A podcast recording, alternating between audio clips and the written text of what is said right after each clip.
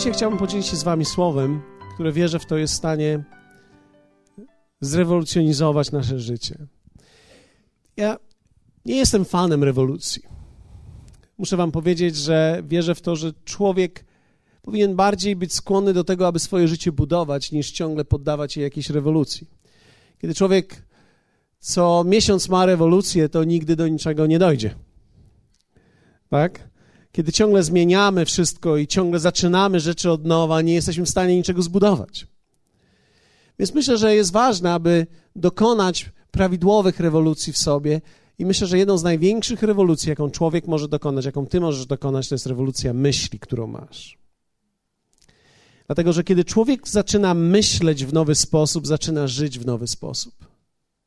Jedyne ograniczenie, które dzisiaj mamy, ty i ja, to jest sposób naszego myślenia. I myślę, że dlatego też między innymi w tym roku to słowo, które otrzymaliśmy, to jest blisko Ciebie jest słowo. Nie dlatego, że w jakiś szczególny sposób chcemy, żeby ono było bliżej. My chcemy po prostu, żeby ono było blisko, żeby już pozostało bliskie, żeby ono miało wpływ na nasze życie. I sposób, w jaki słowo ma wpływ na moje i Twoje życie, jest poprzez przemianę myślenia, którą dokonuje. Wiecie, nie można, człowiek nie jest w stanie zmienić swojego życia, dopóki nie jest w stanie zmienić swojego myślenia, pewnej koncepcji, pewnej myśli, którą ma na dany temat. Kiedy człowiek ma jakikolwiek rodzaj porażki, najczęściej rzadko kiedy porażka związana jest z okolicznościami tylko zewnętrznymi. Okoliczności zewnętrzne mają wpływ na to, czy dzieje się dobrze, czy źle, ale największy i decydujący wpływ ma to, w jaki sposób człowiek myśli ponieważ w sposób, w jaki myśli, tak będzie układał swoje działanie i w taki sposób będzie układał siebie i będą takie rezultaty jego działania. Więc dzisiaj, kiedy będziemy mówili na temat przyspieszenia owoców, pomyślałem sobie, pamiętam swego, e, w pewnym momencie były takie komentarze, kiedy Polska weszła do Unii, że tak naprawdę nasza gospodarka y, ma się bardzo ciężko w stosunku do, bardzo źle w stosunku do gospodarki tej zachodniej, a szczególnie rolnictwo, które wyglądało na zacofane. Wiecie, ja nie jestem rolnikiem, nie znam się na ten temat, więc nawet nie, nie próbuję y, wejść w wielkie jakieś myśli y, dotyczące gospodarki rolnej, ale jedne rzeczy, które mi się narzuciły od razu, kiedy wspomniane zostały te myśli o naszym rolnictwie, że ono jest zacofane w stosunku do rolnictwa zachodniego, pomyślałem sobie, a cóż skomplikowanego jest w rolnictwie? Rolnictwo przecież to jest prosta sprawa, to jest ziarno i ziemia. Ziarno, ziemia, woda, słońce i, i to jest rolnictwo. Tymczasem się okazuje, że rolnictwo czy też w ogóle roślina i wegetacja tych roślin i tak dalej, to jest coś bardziej złożonego i że można mieć na to wpływ. To oznacza, że kiedy podchodzimy do tego w taki sposób, a cóż to takiego? To jest po prostu ziemia, woda. Co to takiego zaorać, posiać, poczekać i zebrać? Tymczasem ktoś coś jeszcze robi przed tym, zanim zaorze, później robi coś po tym, jak już zasieje, później dogląda i coś jeszcze robi, i okazuje się, że nagle z prostej czynności można zrobić coś o wiele bardziej złożonego, i to, co jest złożone, może być również bardziej efektywne. Okazuje się, że można mieć wpływ na to, czy pomidor będzie takiej wielkości, czy pomidor będzie takiej wielkości. Okazuje się, że naukowcy robią wszystko, żeby spowodować, kilkakrotny plon tego samego roku. Wiecie, wbrew pozorom wydaje się to niemożliwe, ponieważ my w naszym klimacie wszystko u nas działo się tylko w, na zasadzie wiosna zasiew, jesień plon. Tymczasem to jest bardzo ciekawe, kiedy pamiętam po raz pierwszy pojechałem do Stanów Zjednoczonych, miałem okazję być na Florydzie i zapytałem ich, ponieważ byłem mniej więcej w okolicach lutego i marca i wtedy okazało się, że mają żniwa. Żniwa trzciny cukrowej. Ja mówię, jak można mieć żniwa trzciny cukrowej w tym czasie? mówią, że mają żniwa trzciny cukrowej, a później mają kolejne jesienie. Ja mówię, zaraz chwileczkę, chcecie mi powiedzieć w takim razie, że macie dwa żniwa? A mówią, tak, w naszym klimacie to jest dwa razy. A jak się pośpieszymy i czasami dobrze zrobimy, to możemy nawet trzy razy zrobić. Jak to jest możliwe? To oznacza, że od klimatu, od atmosfery, od umiejętności również zależy od tego, jaki owoc będzie i ile razy będzie produkowany, jakiej będzie wielkości, co on będzie miał w sobie. Czyli człowiek jest w stanie przyspieszyć nawet naturalne owoce. I tak pomyślałem sobie, że to tak naprawdę ma związek również w chrześcijaństwie, ponieważ czasami widzimy wierzących ludzi. Kto z Was widział kiedyś drzewo owocowe dziko rosnące?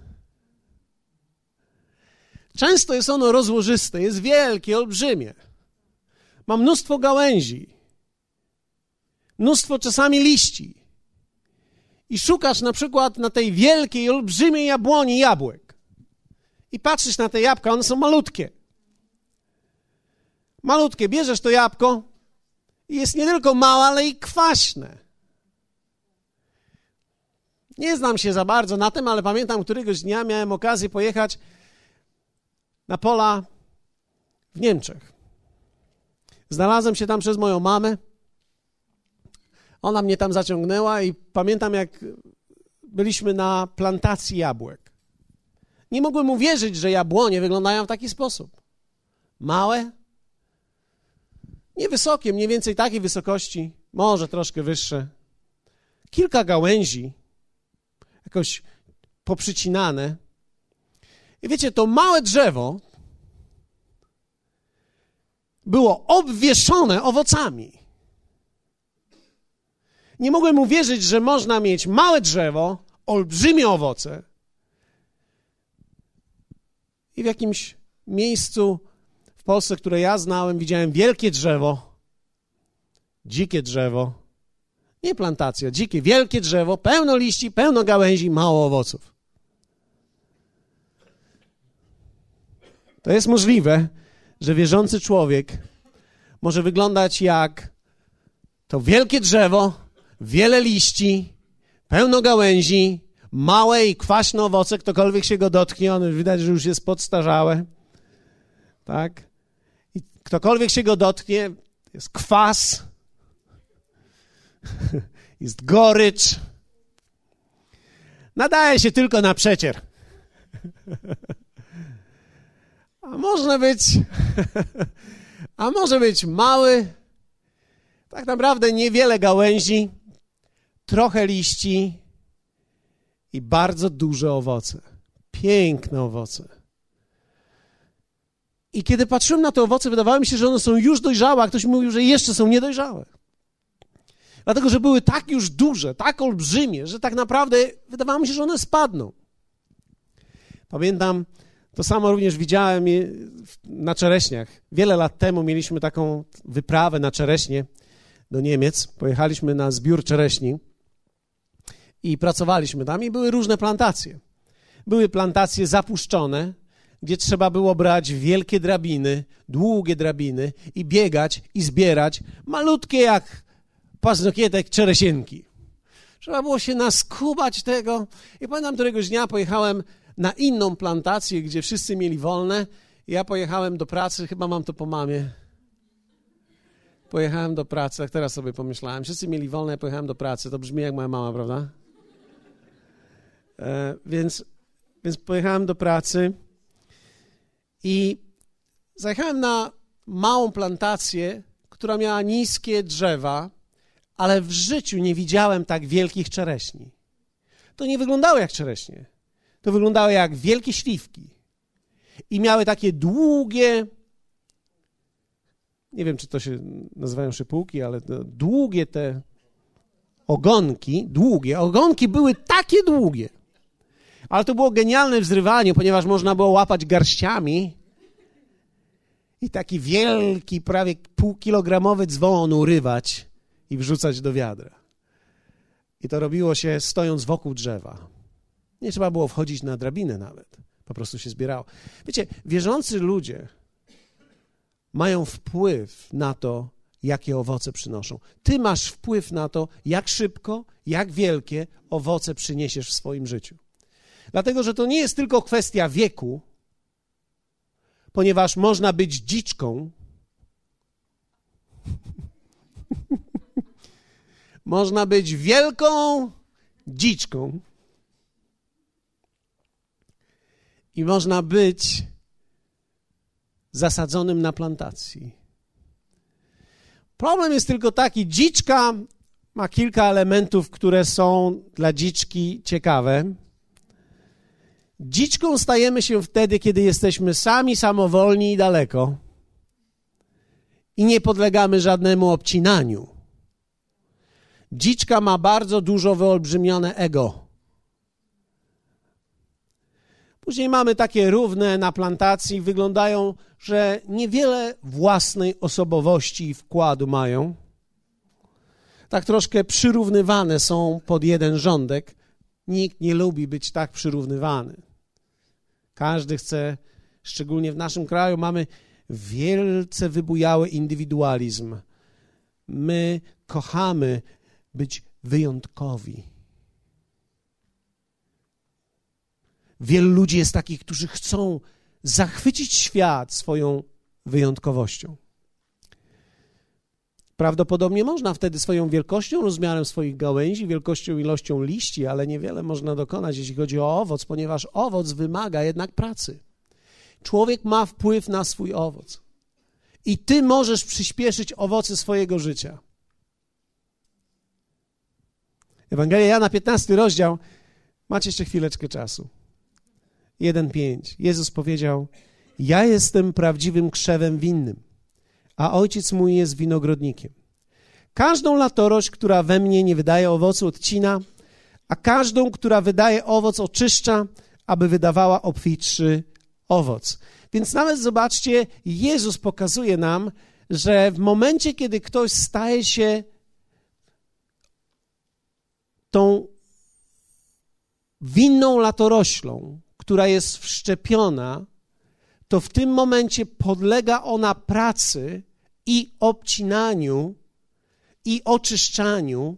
Po co? Aby wydawała obfitszy owoc. W momencie, kiedy nie jesteś ani przycinany, nic nie jest robione, nie jesteś oczyszczany, nikt nie dba o ciebie, również nawet z zewnątrz, to w tym momencie możesz być jako wybujała, dzika, winna latorośl, która jest piękna w swoim wyglądzie, ale która przynosi niewiele owocu. I Jezus dalej mówi: Wy już jesteście czyści dla słowa, które wam głosiłem. Trwajcie we mnie, a ja w was. Jak latorość sama z siebie nie może wydawać owocu, jeśli nie trwa w krzewie winnym, tak i wy, jeśli we mnie trwać nie będziecie. Ja jestem krzewem winnym, wy jesteście latoroślami. Kto trwa we mnie, a ja w nim, ten wydaje wiele, powiedzmy razem wiele, owocu, bo beze mnie nic uczynić nie możecie. Zwróćcie uwagę, jaki jest kontekst tego tekstu. Jezus pragnie, abyś ty, abym ja, abyśmy wydawali nie jakiś owoc, nie dziki owoc, nie gorzki owoc, nie kwaśny owoc, ale abyśmy wydawali wiele dobrego owocu. Wiecie, Bóg pragnie owocu w Twoim życiu ze względu na siebie, po pierwsze, dlatego że to jest Jego natura. I On pragnie, aby ta natura wyszła z Ciebie, aby wykształtowany został owoc Jego natury, ale również ze względu na Ciebie, bo to jest dla Twojego dobra. Owoc, który Ty produkujesz, swojego chrześcijańskiego życia dotyka Twojego życia i błogosławi Twoje życie, jak również ludzi, którzy są wokół Ciebie. Dlatego Bóg pragnie wielkiego owocu i wielu owoców. Powiedzmy razem: wielki owoc, wielki owoc, jeszcze raz, i wiele owoców. Wiecie, wiele owoców w nas oznacza, że musimy być poddani pewnej obróbce. I teraz Jedna z rzeczy, która dokonuje się, to jest to, że całe Twoje i moje chrześcijańskie życie będzie poddane tak bardzo, jak my sami siebie poddajemy. Czyli nikt nas nie weźmie w poddanie, to my sami siebie poddajemy, aby być przyciętym, aby być ukształtowanym. Czyli ty masz cały czas kontrolę nad swoim poddanym życiem. To ty poddajesz się coraz bardziej, aby ten owoc był coraz większy. Zobaczcie, nie musicie otwierać tego fragmentu akurat, ale przeczytam. On odnosi się do finansów, ale myślę, że dzisiaj możemy przeczytać go odnośnie wielu owoców naszego życia. W 2 Koryntian 9 czytamy takie słowa. A władny jest Bóg udzielić wam obficie wszelkiej łaski, abyście mając zawsze wszystkiego pod dostatkiem, mogli hojnie łożyć na wszelką dobrą sprawę. Jak napisano, szczodrze rozdaje, udziela ubogim, sprawiedliwość jego trwa na wieki. A ten, który daje ziarno siewcy i chleb na pokarm, da i pomnoży zasiew wasz i, tu mamy słowo, przysporzy owoców sprawiedliwości waszej. To słowo przysporzy, dokładnie w greckim to jest słowo powiększy, albo da większy wzrost w owocach sprawiedliwości waszej. Czyli oznacza to, że pewne Twoje działanie może spowodować pewne Boże działanie. Tak? Jesteście ze mną?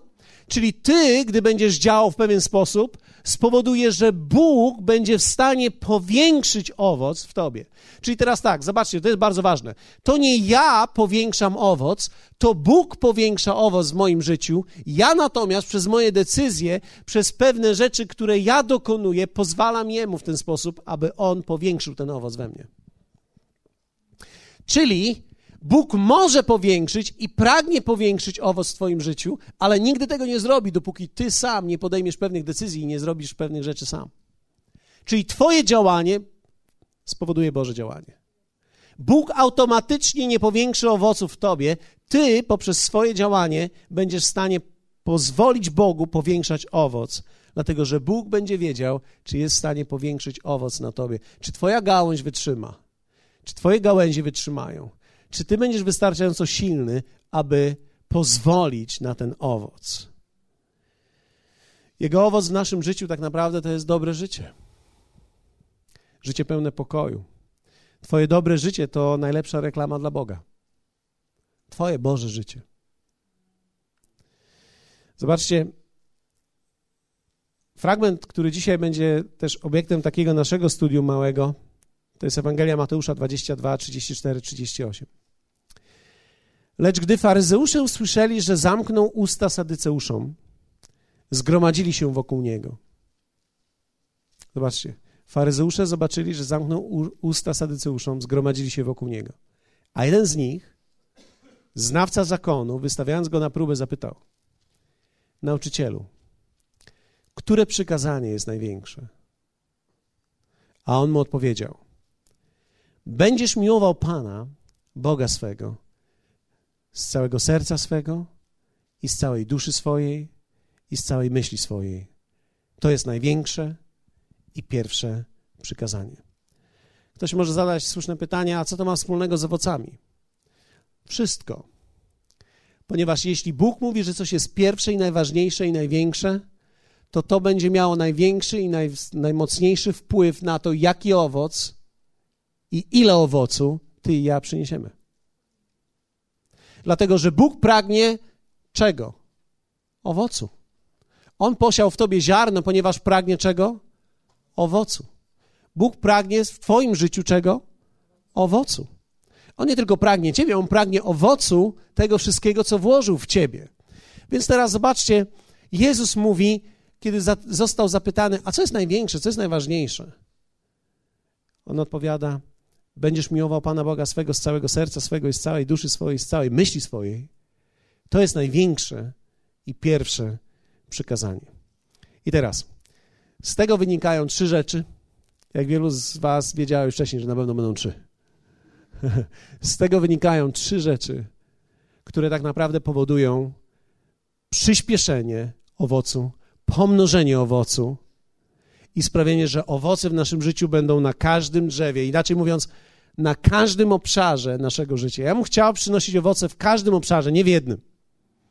W każdym obszarze. W obszarze moich relacji chciałbym przynosić owoce. Chciałbym umieć budować relacje, które będą trwałe, zdrowe, właściwe. Ktoś z Was chciałby również? Chciałbym budować również mój obszar mojego życia wewnętrznego. Także chodzę w pokoju. Także ten owoc pokoju jest we mnie. Że bez względu na to, co się dzieje, ja moim owocem steruję całym moim życiem. Pokój Boży jest we mnie. Tak więc nie muszę panikować w, każdej, w żadnej sytuacji, ani w każdej sytuacji. Ale mogę moim pokojem sprawiać, że rzeczy wokół nabierają właściwego kierunku i idą we właściwą stronę. Chcę mieć owoce mojego materialnego życia. Ktoś z Was chciałby również? Wiecie, kiedy mówię o owoce, ja nie mam na myśli zarobić wiele, bo to nie jest owoc. Mam na myśli to, żeby wszystkiego mi wystarczało, abym mógł wypełnić Jego wolę tutaj na ziemi, abym do wszystkiego, co jest Jego wolą dla mnie, miał zaopatrzenie, abym mógł to zrobić. Jeśli On chce, abym pomógł komuś, żebym miał, żeby pomóc. Jeśli mam coś zbudować, to chciałbym mieć na to, żeby zbudować. Jeśli mamy zbudować kościół, wierzę w to, że jednym z owoców, które może popłynąć tutaj, to jest to, abyśmy my takie mieli finanse w naszym prywatnym życiu, żebyśmy byli w stanie przynieść do kościoła jego część, a z jego części, abyśmy byli w stanie wybudować to wszystko, co jest jego wolą dla nas. A więc w każdym obszarze, w obszarze relacji, w moim małżeństwie, ja chcę przynieść owoc. Jaki to będzie owoc? Kiedy budzę się rano, chcę powiedzieć do mojej żony, że ją kocham i chcę usłyszeć, że ona mnie również kocha. Jak wielu z Was wie o tym, że to jest owoc? To jest szczęście, kiedy można się odwrócić rano i pierwsze to jest uśmiech, nie zdziwienie.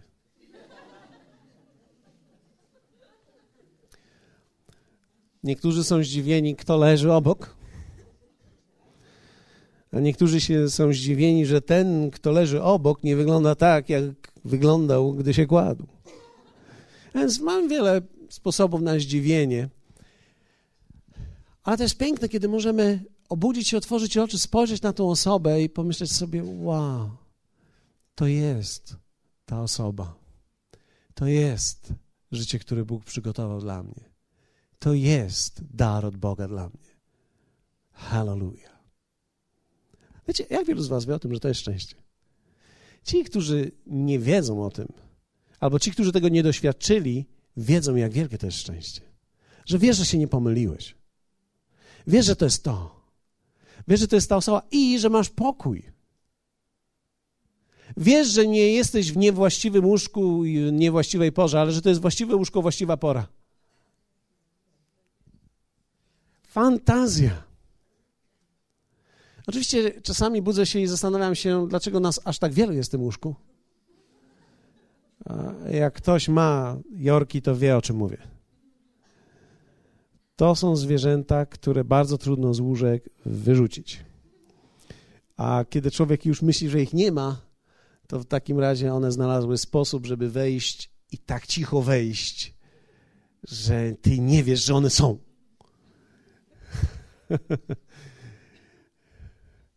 Ktoś powiedział kiedyś o właścicielach Jorków, że wszyscy z nimi śpią, tylko jedni się do tego przyznają, inni nie.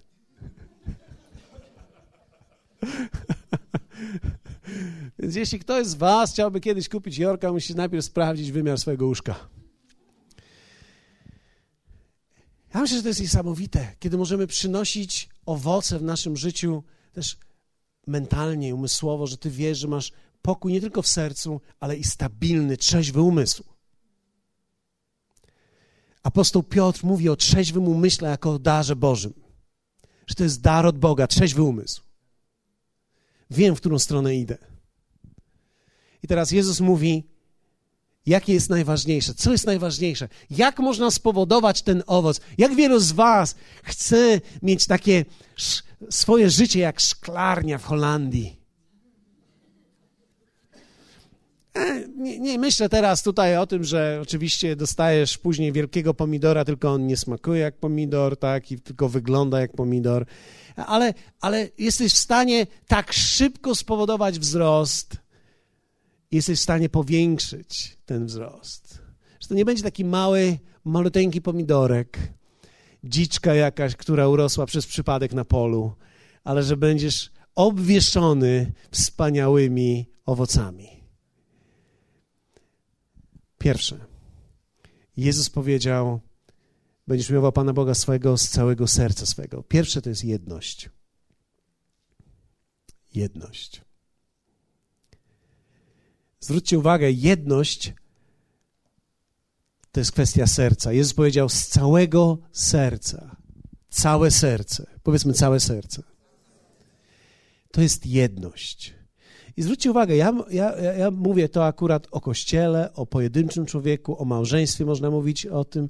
Te, to również można przyrównać do firmy, biznesu, rodziny, zespołu, klubu, klubu seniora. jakkolwiek, jakimkolwiek klubie jesteś, jedność to kwestia serca. Kiedy Jezus jest Panem dla dwóch, tam mamy fundament serca. Dlatego Słowo Boże mówi, abyśmy nie pobierali się, nie żenili, ani nie wychodzili za mąż z ludźmi, którzy nie mają Jezusa jako Pana i Zbawiciela. Dlaczego? Ponieważ wtedy jedność jest niemożliwa. Ponieważ nasze serce idzie w inną stronę. Ja w inną stronę jestem pociągnięty. Jeśli chcesz zacząć od jedności, jedność zaczyna się od jedności serca. W dziejach apostolskich w czwartym rozdziale, wersecie 32 mowa była o kościele i myślę, że to jest niesamowite, kiedy my możemy powiedzieć o naszym kościele. Nie wiem, czy możemy do końca powiedzieć tak o naszym kościele, ale myślę, że w tą stronę idziemy. To jest to. A u tych wszystkich wierzących w wodzie życia było jedno serce, jedna dusza i nikt z nich nie nazywał swoim tego, co posiadał, ale wszystko mieli wspólne. Co było w nich? Jedno serce. Zwróćcie uwagę, kiedy, kiedy Jezus mówi, będziesz miłował Pana Boga swego z całego serca swego, mówi tak naprawdę o jedności, która jest fundamentem, która jest tak naprawdę w sercu. Człowiek zaczyna od jedności w życiu. W momencie, kiedy masz jedność, można coś zbudować w życiu. Kiedy masz dwóch ludzi i mają wspólne serce, coś można zbudować razem. Można pójść w którą stronę. Na pewno można zacząć rozmawiać. Jedność jest fundamentem każdego domu. Pamiętacie, pastor Douglas często mówił do nas o jedności, która jest w małżeństwie. Ale jedność to nie jest tylko kwestia małżeństwa, ale to jest kwestia zespołu ludzi. Jedność to jest kwestia każdej służby, która jest w kościele. Jedność to jest kwestia również całego kościoła, więc wszystkich ludzi wierzących, którzy są w danym miejscu, w lokalnym miejscu, zgromadzeni razem, aby wspólnie razem wielbić Pana. Fundamentem tego jest jedno serce. Spójrzcie, my możemy wielbić Pana tylko wtedy razem, kiedy mamy jedno serce względem Niego. Dlaczego tak niesamowite było doświadczenie koncertu w Warszawie? Ponieważ ludzie, którzy mają jedno serce dla Pana i chcą oddać Mu chwałę, zgromadzili się razem na jednym miejscu. Zwróćcie uwagę, jak trudno jest to czasami w lokalnym kościele uzyskać kiedy ludzie czasami przychodzą zmęczeni po tygodniu, niektórzy zastanawiają się, co tutaj robią, niektórzy na parkingu doznali urazy, bo ktoś zajął ich miejsce. Niektórzy wchodząc do kościoła doznali urazy, bo ktoś zajął ich miejsce. Niektórych dziecko zostało niewłaściwie według nich potraktowane, w związku z tym dotknięci zostali, a niektórzy pokłócili się w samochodzie ze swoją żoną albo ze swoim mężem i przychodzą na spotkanie z lekka już naruszeni, bo do godziny 11 można być nieco już nadgryzionym tak? Nieco już naruszeni, więc oni piosenki, te kilka piosenek, które śpiewamy dla Pana, traktują jako wyciszenie swojej duszy, a nie jako uwielbienie dla Pana. Jaka była siła i jaka jest siła koncertu? Że wszyscy mieli jedno serce i byli tam razem w jednym celu. Jesteście ze mną? Kościół jednak jest o wiele szerszą materią, więc dlatego też, aby dojść do takiego miejsca, musimy nad tym również pracować. Obudźcie tamtego człowieka. Hallelujah. Powiedzmy razem jedność. Próbuję właśnie tą jedność zachować. Tak? Więc jeśli widzisz, że twój sąsiad śpi, to zanim ja to zobaczę, ty go obudź. Jedność to kwestia serca, to jest kwestia postawy i właściwych priorytetów. Jedność jest możliwa, kiedy coś dla dwóch ludzi czy wielu ludzi jest ważne. Powiedzmy razem, coś wspólnego jest ważnego. I serce kształtuje w nas właściwe priorytety. Dlatego, kiedy Jezus jest Panem i dla dwóch ludzi Jezus jest Panem, mają wspólnotę serca. Ale to nie jest koniec. Jezus powiedział: Będziesz miłował Pana Boga swego z całego serca swego, i dalej mówi z całej duszy swojej. Więc pierwsze było jedność, drugie jest zjednoczenie. Ktoś może powiedzieć, zaraz, zaraz, chwileczkę, a co to jest jedność, a co to jest zjednoczenie? Jedność to jest kwestia serca. Zjednoczenie to jest pewna praca w kierunku pewnego celu, to jest kwestia duszy. Jak wielu z Was wie o tym, że dusza człowieka składa się z woli, z uczuć i umysłu? Wola, uczucia i umysł. I że te trzy elementy duszy tak naprawdę muszą być razem ukierunkowane w jakimś celu. Wiecie, można mieć jedność, ale jeśli nie mamy zjednoczenia, w dalszym ciągu nigdzie nie pójdziemy. Po, pozwólcie, że to wyjaśnię. Można mieć jedność serca, wspaniałą atmosferę, ale jeśli nie, z, nie zjednoczymy wysiłków, do niczego nie dojdziemy. Spójrzcie. To jest bardzo istotne, jeśli chodzi o kościół, o dom, cokolwiek. Jeśli wszystkim nam w kościele tutaj będzie dobrze, ponieważ Jezus jest naszym Panem, mamy wspólny priorytet, On jest naszym celem, mamy wspólnotę serca, więc mamy jedność. Ale jeśli wspólnie razem nie ukierunkujemy naszych wysiłków w jakąś stronę, to niczego nie zrobimy razem. Jeśli teraz my śpiewamy razem piosenki i mamy świetną atmosferę, ale przychodzi czas ofiary i jest trzech ludzi, którzy wychodzi do przodu, Wiecie, to całe szczęście, że jest więcej niż trzech. Ale gdy tylko trzech ludzi, albo pięciu, albo piętnastu wychodzi do przodu, a część ludzi wyłącza się z tego, to my możemy mieć jedność, ale nie mamy zjednoczenia. I wtedy nie możemy osiągać wspólnie razem wyznaczonych przez Boga nam celów. Tak samo jest w małżeństwie. Małżeństwo, kiedy oboje ludzi kochają się i nawet są wierzący, więc Jezus jest Panem, a nie są zjednoczeni razem w jakimś kierunku, to również nigdzie nie idą.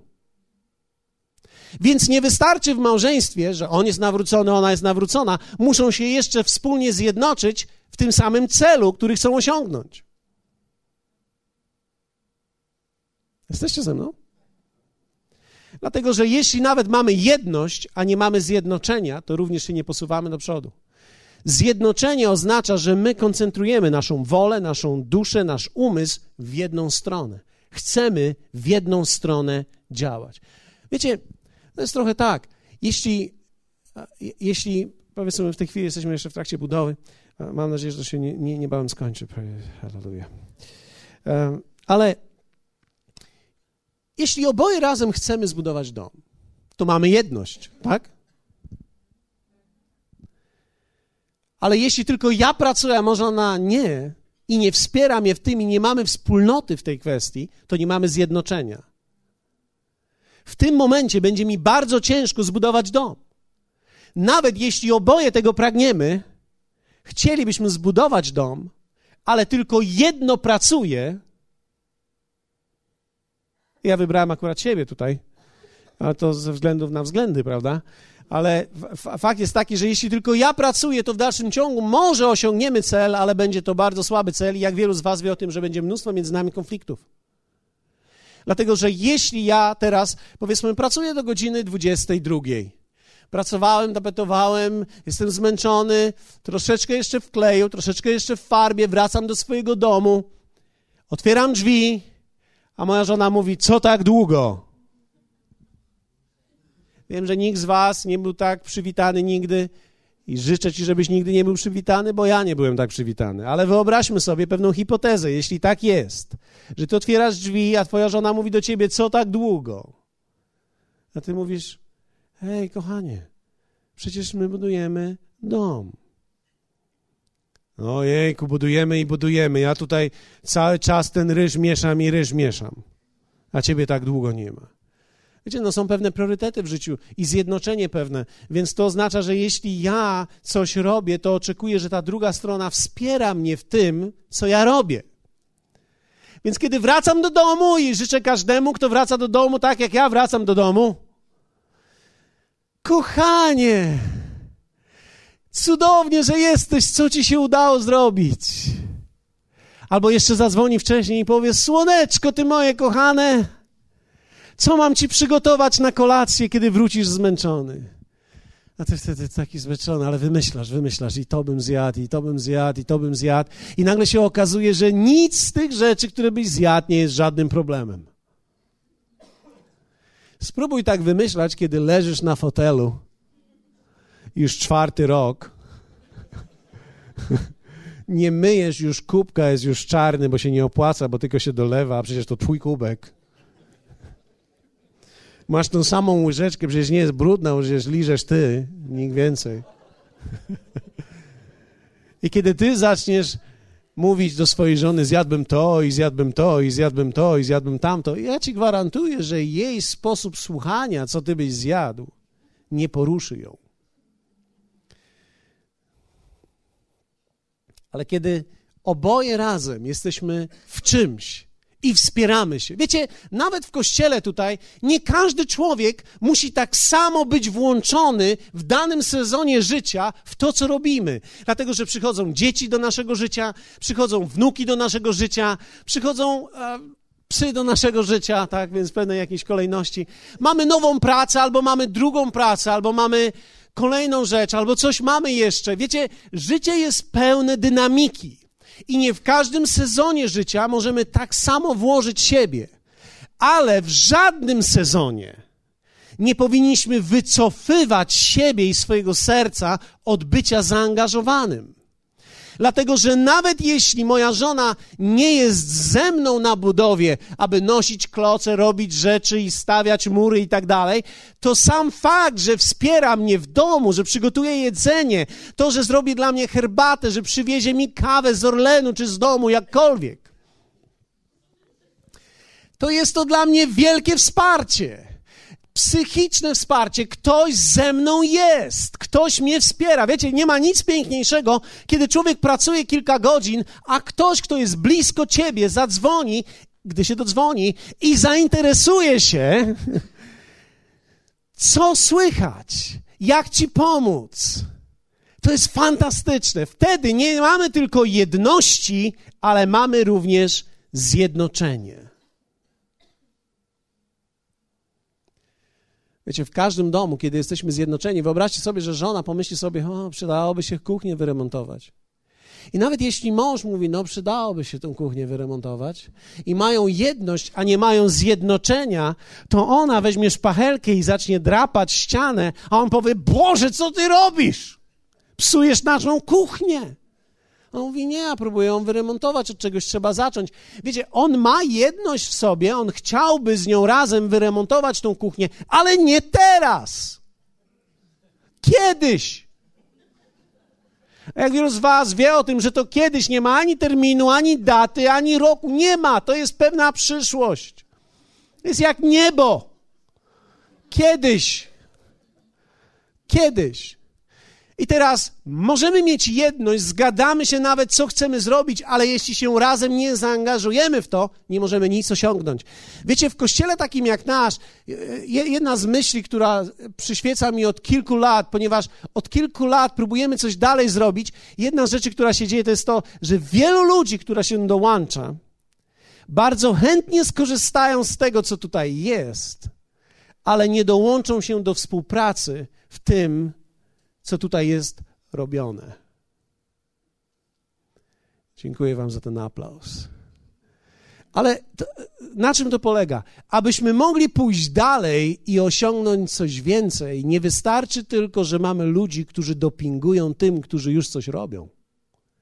Ale potrzebujemy ludzi, którzy w sezonie życia, w którym są, w momencie życia, w którym są, wesprą nas. Czasami niekoniecznie jest to fizyczne, czasami niekoniecznie jest to w czasie, czasami wystarczy telefon i słowo. W tym tygodniu miałem bardzo ciekawą sytuację, ponieważ kiedy e, w poniedziałek robiłem coś w domu. Jak wielu z Was wie o tym, że w poniedziałek to jest bardzo szczególny dzień dla pastora. On też zastanawia się na całą niedzielą. Więc ja się zastanawiałem tak. I myślałem sobie, co my tak naprawdę robimy? Co my osiągamy jako, jako zespół ludzi, jako, jako wspólnota wierzących? I wiecie, jak każdy człowiek, który jest sam i włączy Chili Z, miałem wątpliwości. Akurat coś tam miałczało w tym radiu. Więc jak melancholijna taka muzyka się włączyła, no tak, tak nagle zacząłem myśleć, jak wiele rzeczy z tego, co robimy, ma sens. I nagle dostaję telefon. Akurat byłem na drabinie, muszę zejść z drabiny. Większość mojego życia nie spędziłem na drabinie, więc teraz, kiedy opowiadam o tym, to jest to jakaś nowum. Ale schodzę z drabiny, biorę telefon i nagle słyszę po drugiej stronie człowiek z kościoła dzwoni do mnie i mówi tak: Aha, pastorze, tak sobie pomyślałem, zadzwonię. Wiesz, chciałem ci powiedzieć, że jestem tak szczęśliwy, że jestem Kościół. Jestem tak szczęśliwy, że mogę przychodzić tutaj, budować swoje życie i zmieniać swoje życie. Nic więcej od ciebie nie chcę, po prostu chciałem ci życzyć dobrego dnia, ale chciałem ci po prostu tylko powiedzieć, że tak się cieszę, że możemy razem wspólnie czegoś dokonać. Wiecie, ten człowiek nie dał mi ofiary wtedy. Tak?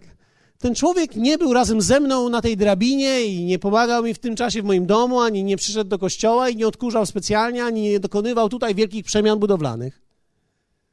Jeden telefon, jeden sygnał. I całe moje serce było podniesione. Nagle czyli Z przegłuszyłem. Nagle ja zagłuszałem swoim śpiewem i radością, ponieważ nagle dla kogoś to, co robimy, miało sens. I wiecie, to jest niesamowite, jak człowiek potrafi odczuwać wspólnotę z innymi, nawet tylko przez zwykły sygnał, że jesteśmy w czymś razem. To tak jak żona, kiedy dzwoni do ciebie, a ty pracujesz, kochanie, wszystko dobrze, chciałam tylko zadzwonić, żeby ci powiedzieć, że cię kocham. Jest jeden z najpiękniejszych telefonów, które człowiek może w życiu dostać. To nie jest, niego nie zapomnij jajek, jak będziesz wracał. Wczoraj zapomniałeś jajek i nieraz nie ma jajek. Człowiek, który odbiera taki telefon, jemu jajka kojarzą się już ze wszystkim najgorszym. On idzie do tego sklepu jak niewolnik i pierwsze, gdy wchodzi do domu, kupiłeś jajka? Kupiłem jajka. I chciałbyś te jajka podać w bardzo szczególny sposób. Dlatego, że całość wygląda tak, jakby o te jajka chodziło w życiu. Że to nie o ciebie chodzi, ani o nas nie chodzi, tylko o jajka chodzi. Powiedz do swojego sąsiada, żeby tylko o jajka nie chodziło.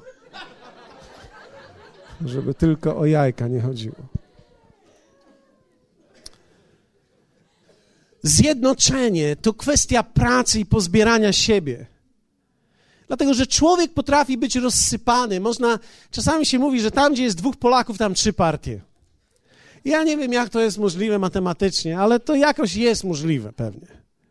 Dlatego, że my nawet kiedy mamy jedno w sercu albo jedno na sercu, to umiejętność połączenia sił razem to jest umiejętność.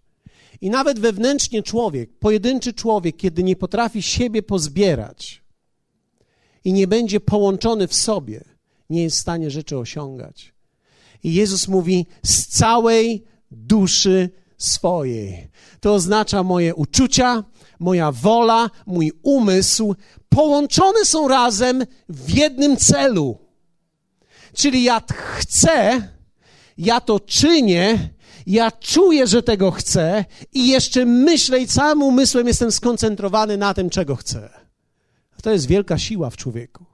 Dlatego, że czasami jest tak, że człowiek ma wolę w jakąś stronę, ale nie czuje za bardzo, a myśli mam 500 na 600. Wiecie, taki człowiek nie jest pozbierany, on niczego nie osiągnie, ponieważ wolę ma w jakąś stronę, czuje tak średnio, jak wielu z was wie o tym, że człowiek się różnie czuje różnie.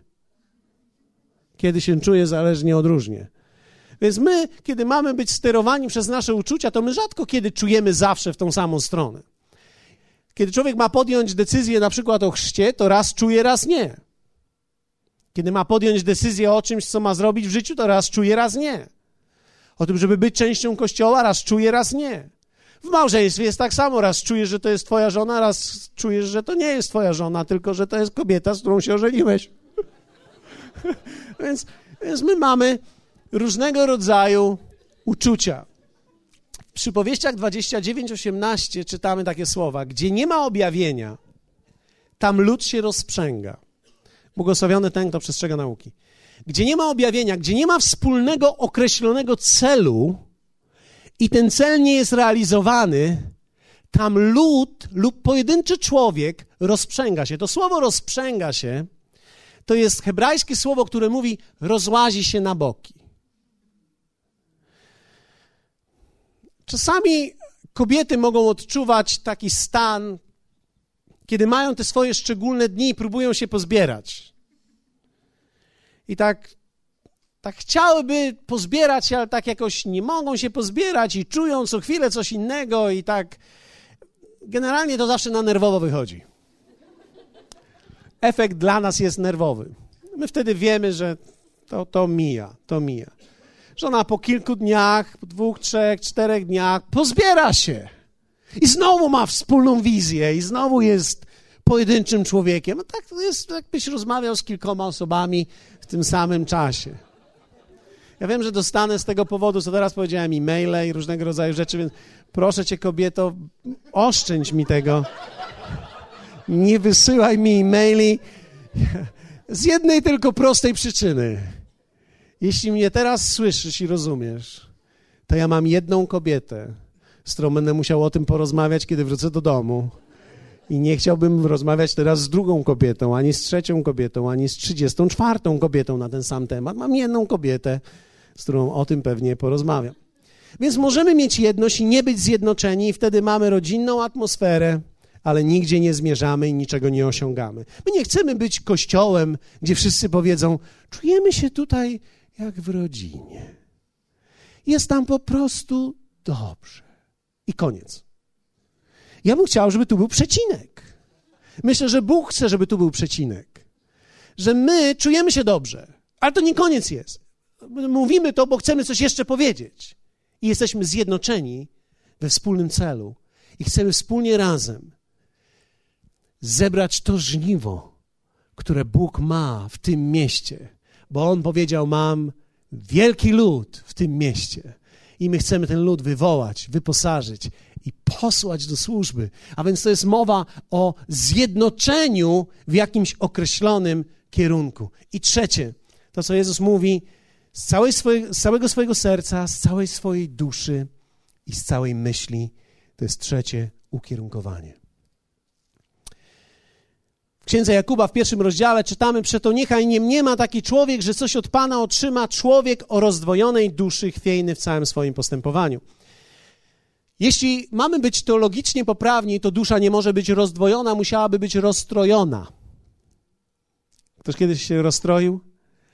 Więc dusza może być rozstrojona, umysł może być rozdwojony. I tak naprawdę w greckim to słowo rozdwojonej duszy dokładnie jest rozdwojonym umyśle. My mamy słowo przetłumaczone jako duszę, ale dokładnie jest tam umyśle, rozdwojony umysł. A więc człowiek o rozdwojonym umyśle, chwiejny w całym swoim postępowaniu. Więc to jest ważne, aby nasz umysł był ukierunkowany. Jak wielu z Was wie o tym, że ukierunkowanie jest bardzo ważne? Dziękuję za ten wielki okrzyk radości. Kiedy Twój umysł jest w dyscyplinie i ukierunkowany, wtedy Twoje owoce przyspieszają. Wiecie, ukierunkowany umysł to są ukierunkowane decyzje. Na przykład, jestem w kościele. Teraz czwartek mamy spotkanie. Niektórzy debatują nad tym, niektórzy mówią, jest czwartek, jest spotkanie, jest to jasne, klarowne. Niektórzy debatują. Ciekawe, co będę robił w czwartek. Ja też jestem ciekawy. Dalej, przeczytanie książki. Mamy książkę i ktoś nam powiedział, że jest świetna książka. Kupię tą książkę. Kupuję książkę, idę do domu. Kupiłem książkę. Gdzie ją położę? Gdzie ją położę? No tu położę obok tych książek, które kupiłem. i mamy kolejną kupioną książkę. Hallelujah. To na pewno błogosławiło księgarnię, ale to nie błogosławi Twojego życia. Dlatego, że decyzja musi być spójna, ukierunkowana i dokończona. To jest jak przesłuchanie płyty. Albo na przykład nauka języka. Jak wielu z Was wie, że niektórzy ludzie zaczynają uczyć się języka 14 razy? Ja muszę się nauczyć, niektórzy mówią angielskiego. Kiedyś, kiedyś już zaczynałem. Jak wielu, zastanawiam się, jest tutaj na sali, którzy kiedyś zaczynali uczyć się języka angielskiego. I teraz chętnie by znowu zaczęli. I pewnie by zaczęli, gdybym powiedział, jak ważne są języki i jak bardzo istotne jest, aby się uczyć innych języków, i wtedy oni by powiedzieli: No, muszę zacząć. Ciekawe, czy zrobimy kurs. Wpiszemy na listę i osoby się zapisują. Numer jeden, ja jest. Zapisany na liście. Ale widzisz, Twój umysł ukierunkowany oznacza, że Ty od początku do końca dokonujesz pewnego dzieła. Dlatego, że podwójny umysł to jest umysł, tak chciałbym, ale mam wątpliwości, mam mnóstwo różnych myśli jeszcze naokoło. Wiecie, takie jest nasze życie. Nasz umysł jest pełen pewnych rzeczy ciągle. I jeśli ty nie zdecydujesz, że w umyśle swoim będziesz ukierunkowany, że od początku do końca do, osiągasz pewne efekty, to nic nie można zrobić, a z pewnością nie można przynieść żadnych owoców. Sprawy są zaczęte, ale nie są sprawy dokończone. Ktoś mówi: Będę ćwiczył, będę biegał, prawda? No i teraz biegam, biegam, biegałem nagle. Kiedyś biegałem kiedyś mi biegałem. Wiecie, to tak jak niektórzy mówią, ja byłem kiedyś wysportowany, jakieś 30 lat temu. Naprawdę miałem wtedy kondycję, jak nie wiem, aż do dzisiaj czuję, że miałem wtedy kondycję. Fakt jest jednak taki, że jeśli staniesz na bieżni i popatrzysz na 400 metrów, to nie uwierzysz, że 400 metrów to jest taki kawał drogi. Pomyślisz sobie, to jest 400 metrów? Nie, to, to z 2 kilometry wygląda mi to będzie wyglądało na 10, jak zaczniesz biec. Ja ci mówię. Dlatego, że tak właśnie jest, że kiedy nasz umysł nie jest ukierunkowany. Więc kiedy na przykład podejmujesz decyzję, nawet taka drobna decyzja jak ćwiczenie czy bieganie, jeśli to wszystko zależy od tego, że musi być właściwa temperatura, około 15 stopni. Słońce mm, lekko może być zachmurzone, ale nie za bardzo. Aż musi cały czas prześwitywać. To takich dni w roku będziesz miał trzy. Ale jeśli zdecydujesz, że biegasz, to wtedy śnieg, deszcz, wichura, wszyscy zastanawiają się, co ty robisz. A ty nie robisz nic innego, jak tylko to, co zdecydowałeś, że będziesz robił. Biegasz. Jak wielu z Was wie o tym, że tak się dokonują rzeczy? Tak się buduje. Zwróciliście uwagę, że ani rolnik, ani budowlaniec nie zatrzymuje się. Wiecie, są pewne stany pogodowe, które uniemożliwiają nam pewne rzeczy, więc trzeba pracować w czasie, kiedy jest pogoda, ale czasami jest tak, że nawet kiedy jest słaba pogoda, ludzie się przebierają, jest mokro, jest zimno, jest kiepsko, ale oni mają pewien cel i oni wtedy się przebierają i oni wciągają na siebie te zwilgocone rzeczy, które trzeba rozgrzać samym sobą ale ci ludzie osiągają coś. Kolejne metry położonych kafelek, kolejne metry zatartej gładzi, kolejne metry czegoś tam, kolejne metry czegoś tam, kolejne metry zrobionego drzewa, kolejne metry, kolejne metry zaorane, kolejne. Tak jest dokonana rzecz. Wiecie, jeśli człowiek sprząta swoje mieszkanie i to wszystko zależy od tego, jak się będę czuł, o której wstanę i zobaczę, jaka będzie pogoda, bo jak będzie słońce, to widać kurz, a jak jest widać kurz, to ja nie lubię sprzątać. To takich dni, kiedy będziesz czuł, że to chciałbyś zrobić, że to w końcu zrobisz, będzie kilka w roku.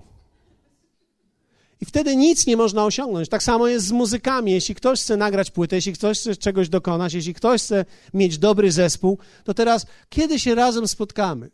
No, mi nie pasuje wtedy, mi nie pasuje wtedy, mi nie pasuje wtedy, więc okazuje się, że żeby nam wszystkim razem pasowało, no to wychodzi trzy razy w roku. A jak wielu z Was wie o tym, że trzy razy w roku to trzeba wiele lat żeby osiągnąć jakikolwiek podstawowy efekt, już nie mówiąc o mistrzostwie. Pamiętam, jak któregoś dnia jeden z młodych patrzył na pianistę, który grał fantastycznie. I ten patrzy na niego i mówi: Hmm, dałbym całe swoje życie, żeby tak grać, jak ty. A ten tak siedzi, patrzy i mówi: Ja dałem. Ja dałem. Ja dałem całe swoje życie, żeby tak grać. Bo to nie wystarczy 20 minut co trzy tygodnie poklepać w klawiaturę albo się z nią zaprzyjaźnić. albo wziąć szmatkę i ją odkurzyć. Trzeba się w nią wgryźć. Halleluja. A więc potrzebujemy tych rzeczy. Jedność, powiedzmy razem jedność. Potrzebujemy zjednoczenia i potrzebujemy ukierunkowanego umysłu, ukierunkowania. I to powoduje owoce. I kiedy widzicie kogokolwiek w życiu, kto przynosi owoce, to na pewno ma jedność, ukierunkowanie i na pewno jest zjednoczony. Hallelujah. Powstajmy razem. Hallelujah. Dziękuję Ci, Ojcze. Kto pragnie po tym spotkaniu być taką dziczką kwaśną i zgorzkniałą? Kto pragnie relacji z dziczką taką? Kto pragnie mieć takich przyjaciół, dziczki same, gorzkie i kwaśne? A kto pragnie być zasadzony? Wiecie, słowo mówi w Psalmie 92: Zasadzeni w domu Pana. Zwróćcie uwagę, tutaj nie ma mowy o tym, że oni się sami zasiali. Jestem samosiewka, samożyjka, samorodna. Ale oni są zasadzeni, zasadzeni we właściwym miejscu. Zasadzeni w domu Pana. Przynoszą owoc, rozwijają się. Zasadzeni w domu Pana. To oznacza, że ktoś zdecydował za nich. Oni musieli podjąć decyzję, ale ktoś wcześniej podjął decyzję, gdzie, w jaki sposób. To jest jedna z najpiękniejszych rzeczy, którą możesz doświadczyć w życiu. To jest to, kiedy wiesz, że możesz być na plantacji przynosząc owoc, a nie musisz być piękną czereśnią czy jabłonią, którą wszyscy podziwiają, ale nikt z jej nie może skorzystać. Ale możesz być połączony razem z innymi, opryskiwany od czasu do czasu przycinany.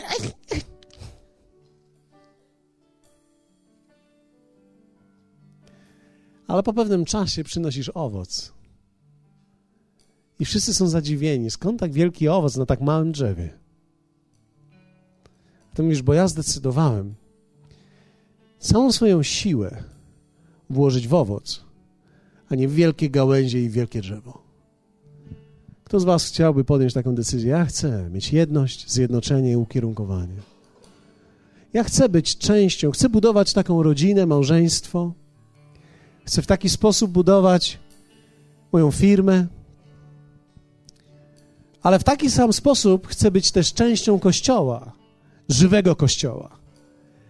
Jak wielu z Was chciałoby doczekać dnia, kiedy Będziemy na spotkaniach mieli 500 osób, 1000 osób, 2000 osób, półtora tysiąca osób. Dwa razy po półtora tysiąca będziemy rano i wieczorem mogli się spotykać. Jak, jak wielu z Was chciałoby doczekać takiego dnia? Kiedy ludzie przychodzą w pewnym celu, wspólnie razem, aby wielbić Pana. Jak wielu z Was chciałoby, żeby nasz zespół też tak koncertował? Myśmy mieli kilka koncertów. Ja nie wiem, czy to powołanie jest nad nimi, ja nie wiem, co jest w ich sercach dzisiaj, ale ja myślę, że wszystko jest możliwe dla nas tutaj lokalnie. Może nie będziemy podróżować po innych krajach koniecznie, może niekoniecznie w Warszawie w Expo będziemy mieli koncert, ale myślę, że jeśli będziemy tutaj mieli koncerty i ludzie będą chcieli przychodzić, aby oddawać Jemu chwałę, to będzie niesamowite wydarzenie dla nas. Amen?